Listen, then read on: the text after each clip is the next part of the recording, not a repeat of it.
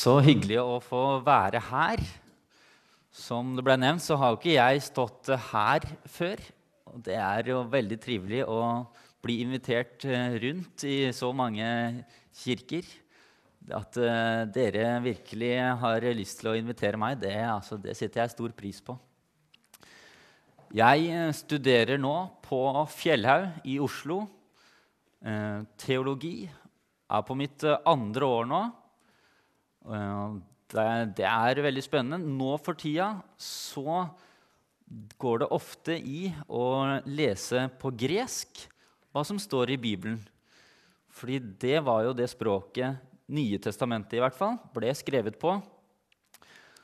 Og det syns jeg er veldig gøy. Det er jo nesten som å løse matteoppgaver og prøve å finne ut hvilke norske ord kan vi bruke her. Så det, det, er litt gøy igjen å ikke bare lese i tunge teologiske bøker, men også få lese i Bibelen hver eneste dag på det språket som det ble skrevet på. Jeg skal ikke lese på gresk i dag, men vi leser på norsk fra Lukas kapittel 18, versene 1 til 34 i Jesu navn. Han tok de tolv til side og sa til dem.: Se, vi går opp til Jerusalem, og alt det som profetene har skrevet om menneskesønnen, skal gå i oppfyllelse. Han skal overgis til hedningene og bli hånt og mishandlet og spyttet på, og de skal piske ham og slå ham i hjel. Og den tredje dagen skal han stå opp. Men de skjønte ikke noe av dette Meningen var skjult for dem, og de forsto ikke det han sa. Slik lyder Herrens ord.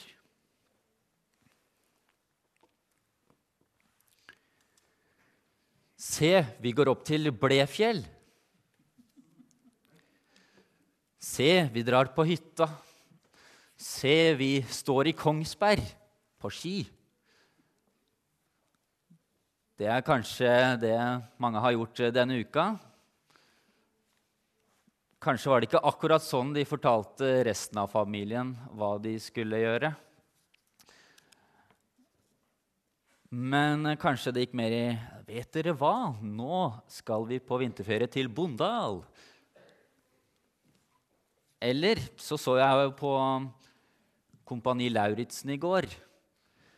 Kanskje de der ville sagt 'giv akt', før det kom en beskjed som noen hadde bestemt at de skulle gjøre. Vel, funksjonen er jo den samme. Nå har Jesus bestemt at tiden er inne for å dra til Jerusalem. Og dette var jo noe disiplene forventet også.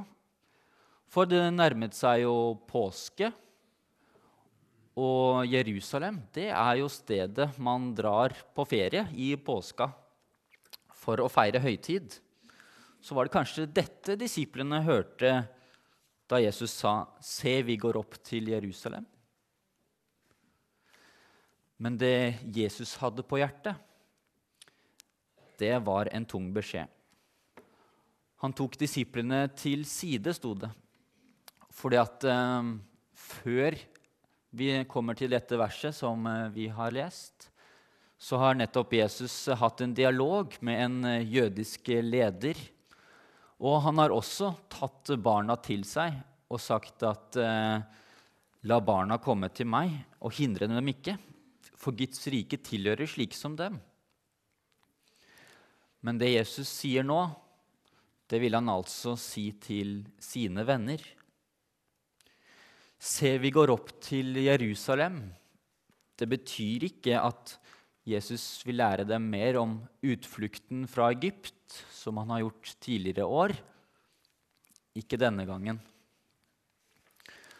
Nå handler det om svik, lidelse og død.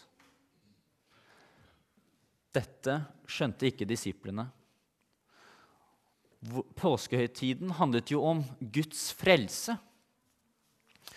Ok, Det var jo dystre tilstander i Egypt. Og de skulle jo spise bitre urter dyppet i saltvann for å minnes tårene som ble grått der. Men at noen skulle overgis til hedningene og bli mishandlet og drept, nei, det hørte jo ikke påskehøytiden til. Disiplene skjønte ordene Jesus sa,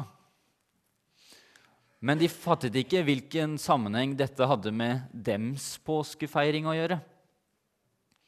Dessuten var jo Jesus en stor profet som gjorde mange gode gjerninger. Hvordan ville noen kunne tenke seg å drepe ham? Meningen var skjult for dem. Ingen av dem visste hvilke begivenheter som lå foran dem. De hadde ingen anelse om hvilke enorme konsekvenser dette kom til å få for hele verden.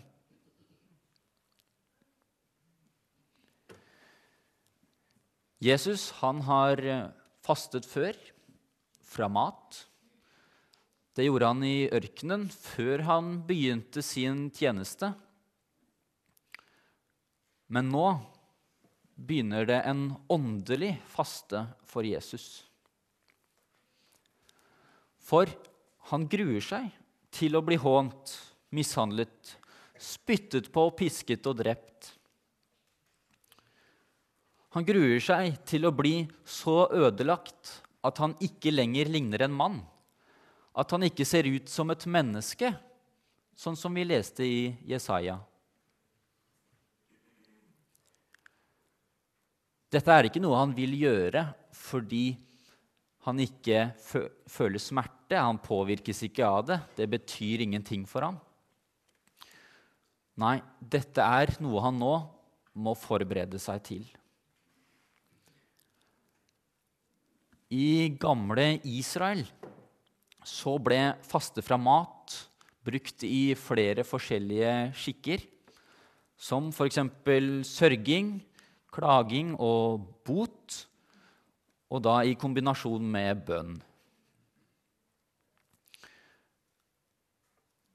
De eh, kunne også faste som et forebyggende tiltak før en farlig situasjon som f.eks. en reise eller en kamp.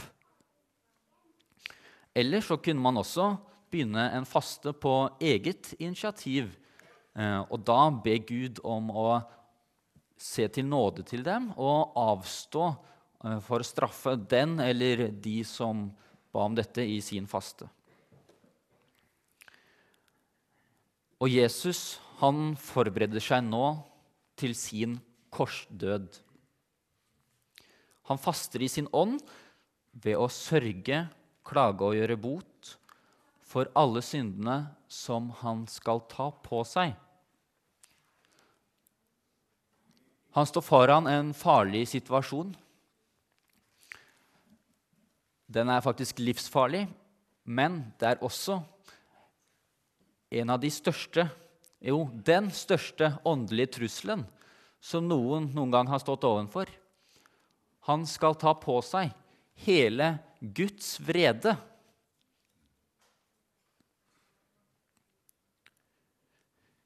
Jesus faster ved å be Gud avstå fra å straffe Israel og straffe ham isteden.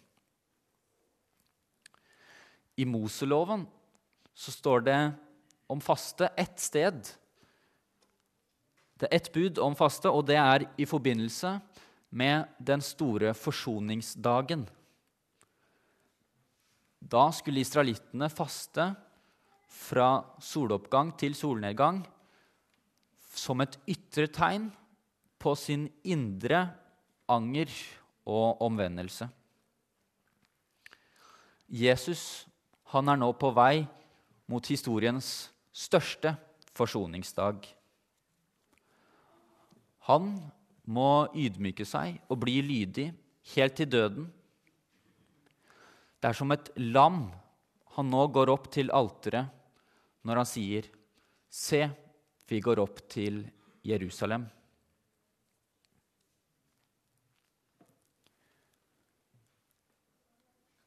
Jesus Han har begynt å forberede seg til påske. Og det er også det vi nå går inn i en tid for. En tid for å gå inn og granske oss selv.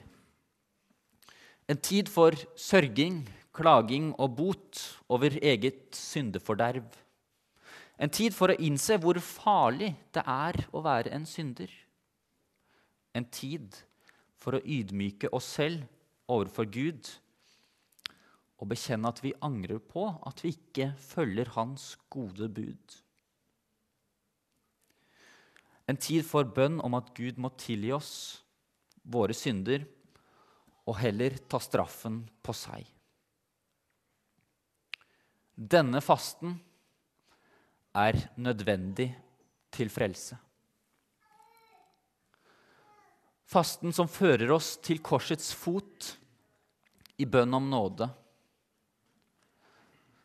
Fasten som får oss til å innse at vi er i en håpløs situasjon og er helt avhengige av Guds hjelp.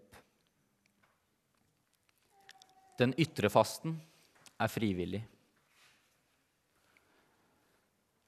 For faste i sin forstand om å avstå fra noe, om det er mat, pengebruk, skjermtid eller en uvane man har lagt merke til,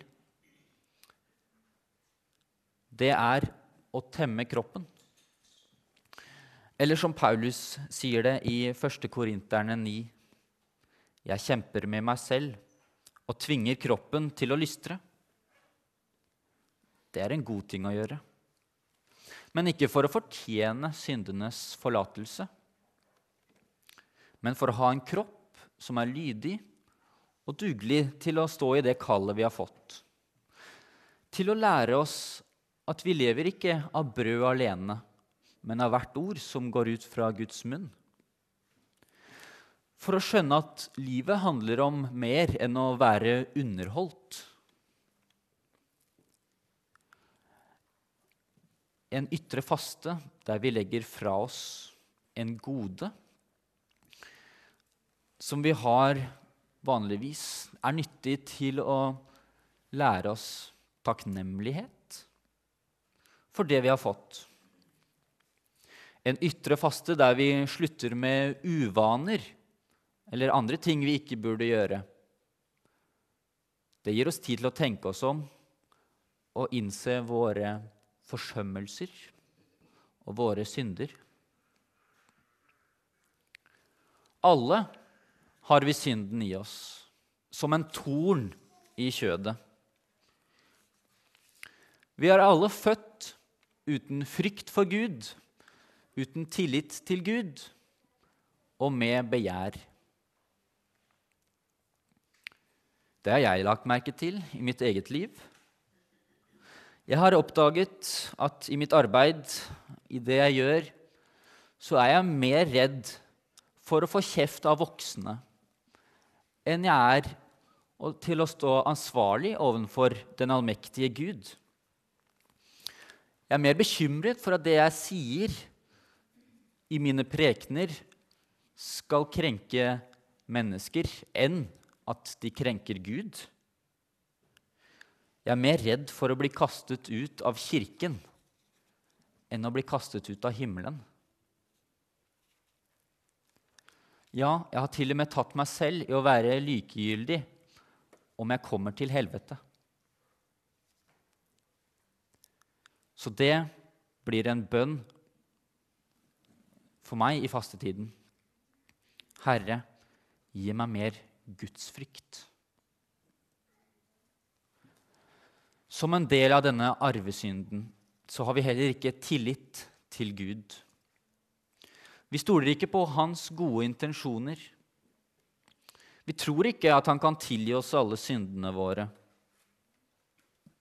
Jeg vet det kanskje i mitt hode, men jeg stoler ikke på det i mitt hjerte. Jeg som svikter gang på gang, tenker stadig at jeg selv skal forbedre meg skal få det til. Jeg ber om tilgivelse, men hvordan kan egentlig Gud tilgi meg? Jeg som bare kan angre på et halvt hjerte. Jeg som bare er støv på jorden. Gud har vel bedre ting å tenke på enn meg. Det blir min neste bønn i fastetiden. Herre, hjelp meg så jeg kan angre av et helt hjerte og stole fullt og fast på din nåde. Og som ung mann er det kanskje aller lettest å bekrefte at vi alle er født med begjær. Det er et stort hinder, rett og slett, som er fryktelig irriterende. Det er jo så mange flotte damer som det hadde vært hyggelig å bli kjent med. Men så kommer begjæret med sine uedle intensjoner. Man kan jo ikke snakke med noen i fred. Herre, lær meg å møte mennesker som dine hellige skapninger. I fastetiden går vi inn i oss selv og ser på vår egen synd. Så får vi lov til å gå ut av oss selv og se til Jesu nåde. Jeg fikk nettopp tak i en andaktsbok som lærerne på Fjellhaug har skrevet. Kanskje spesielt til teologistudenter. Og der hadde de et eget kapittel som het Gloser. En av andaktene der var skrevet av Sverre Bø, og den het verdens farligste ord. Dette ordet har ingenting sammen med nåde å gjøre. Dette ordet må vi bruke fastetiden til å finne ut hvordan man bruker. Det ordet heter 'selvfølgelig'. Han sa at eh, Carl Fredrik Wisløff hadde sagt til han, Legg merke til hvor folk plasserer ordet 'selvfølgelig'. Det brukes gjerne om noe som ikke betyr så veldig mye for dem. Og Sverre syntes han kunne bekrefte dette når noen sier Selvfølgelig skal Kirken forkynne om synd og nåde, men nå må vi snart begynne å snakke om miljø og klima. Selvfølgelig skal misjon forkynne om Gud og frelsen, men nå er tiden inne for å arbeide med diakoni og bistand. Slike utsagn preges av lite interesse for Guds ord. De tar budskapet om nåde lettvint. Men nåden er ikke lettvint. Den er ingen selvfølge. Gud måtte ikke komme til jorden for å frelse oss. Han kunne jo bare skrota hele prosjektet. Gud måtte ikke skape oss. Han hadde vært like mye Gud uten noe skaperverk.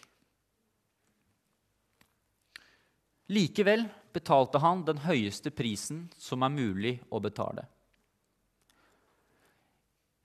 Jesu blod er så dyrebart at det kan frelse hele universet. Et menneske er bare et menneske. Ja, det er uvurderlig. Men Gud, han er uendelig mye mer verdt enn et uendelig mye verdt menneske. At han skulle ydmyke seg og bli lydig til døden, er overhodet ingen selvfølge. Vi som lever i nådens pakt, kan kanskje bli raske til å be om tilgivelse. Og det er en god ting. Men kanskje vi noen ganger tar det for gitt at vi blir tilgitt. Kanskje tar vi Jesu korsdød som en selvfølge. Gud elsker jo menneskene. Selvfølgelig skulle han gi livet sitt for oss. Men vi, akkurat som disiplene i teksten, vi skjønner ingenting av det han sier. Vi fatter ikke bredden og lengden, høyden og dybden i det Jesus har gjort for oss. Vi kan ikke fatte den enorme summen på løsepengen som ble krevd for å betale oss fri. Hadde nåden vært en selvfølge, da hadde det ikke lenger vært nåde. Fastetiden er en stund der vi får lov til å se på oss selv hvor små og ynkelige vi er overfor Gud, og hvor stor og nåderik Han er. En tid der vi får bruke ekstra tid i bønn, i vår nød etter å fornyes i Kristus.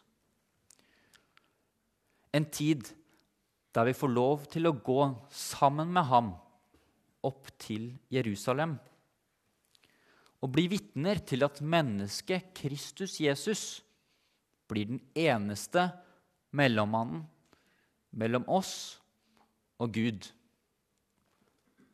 Ham være ære i all evighet. Amen.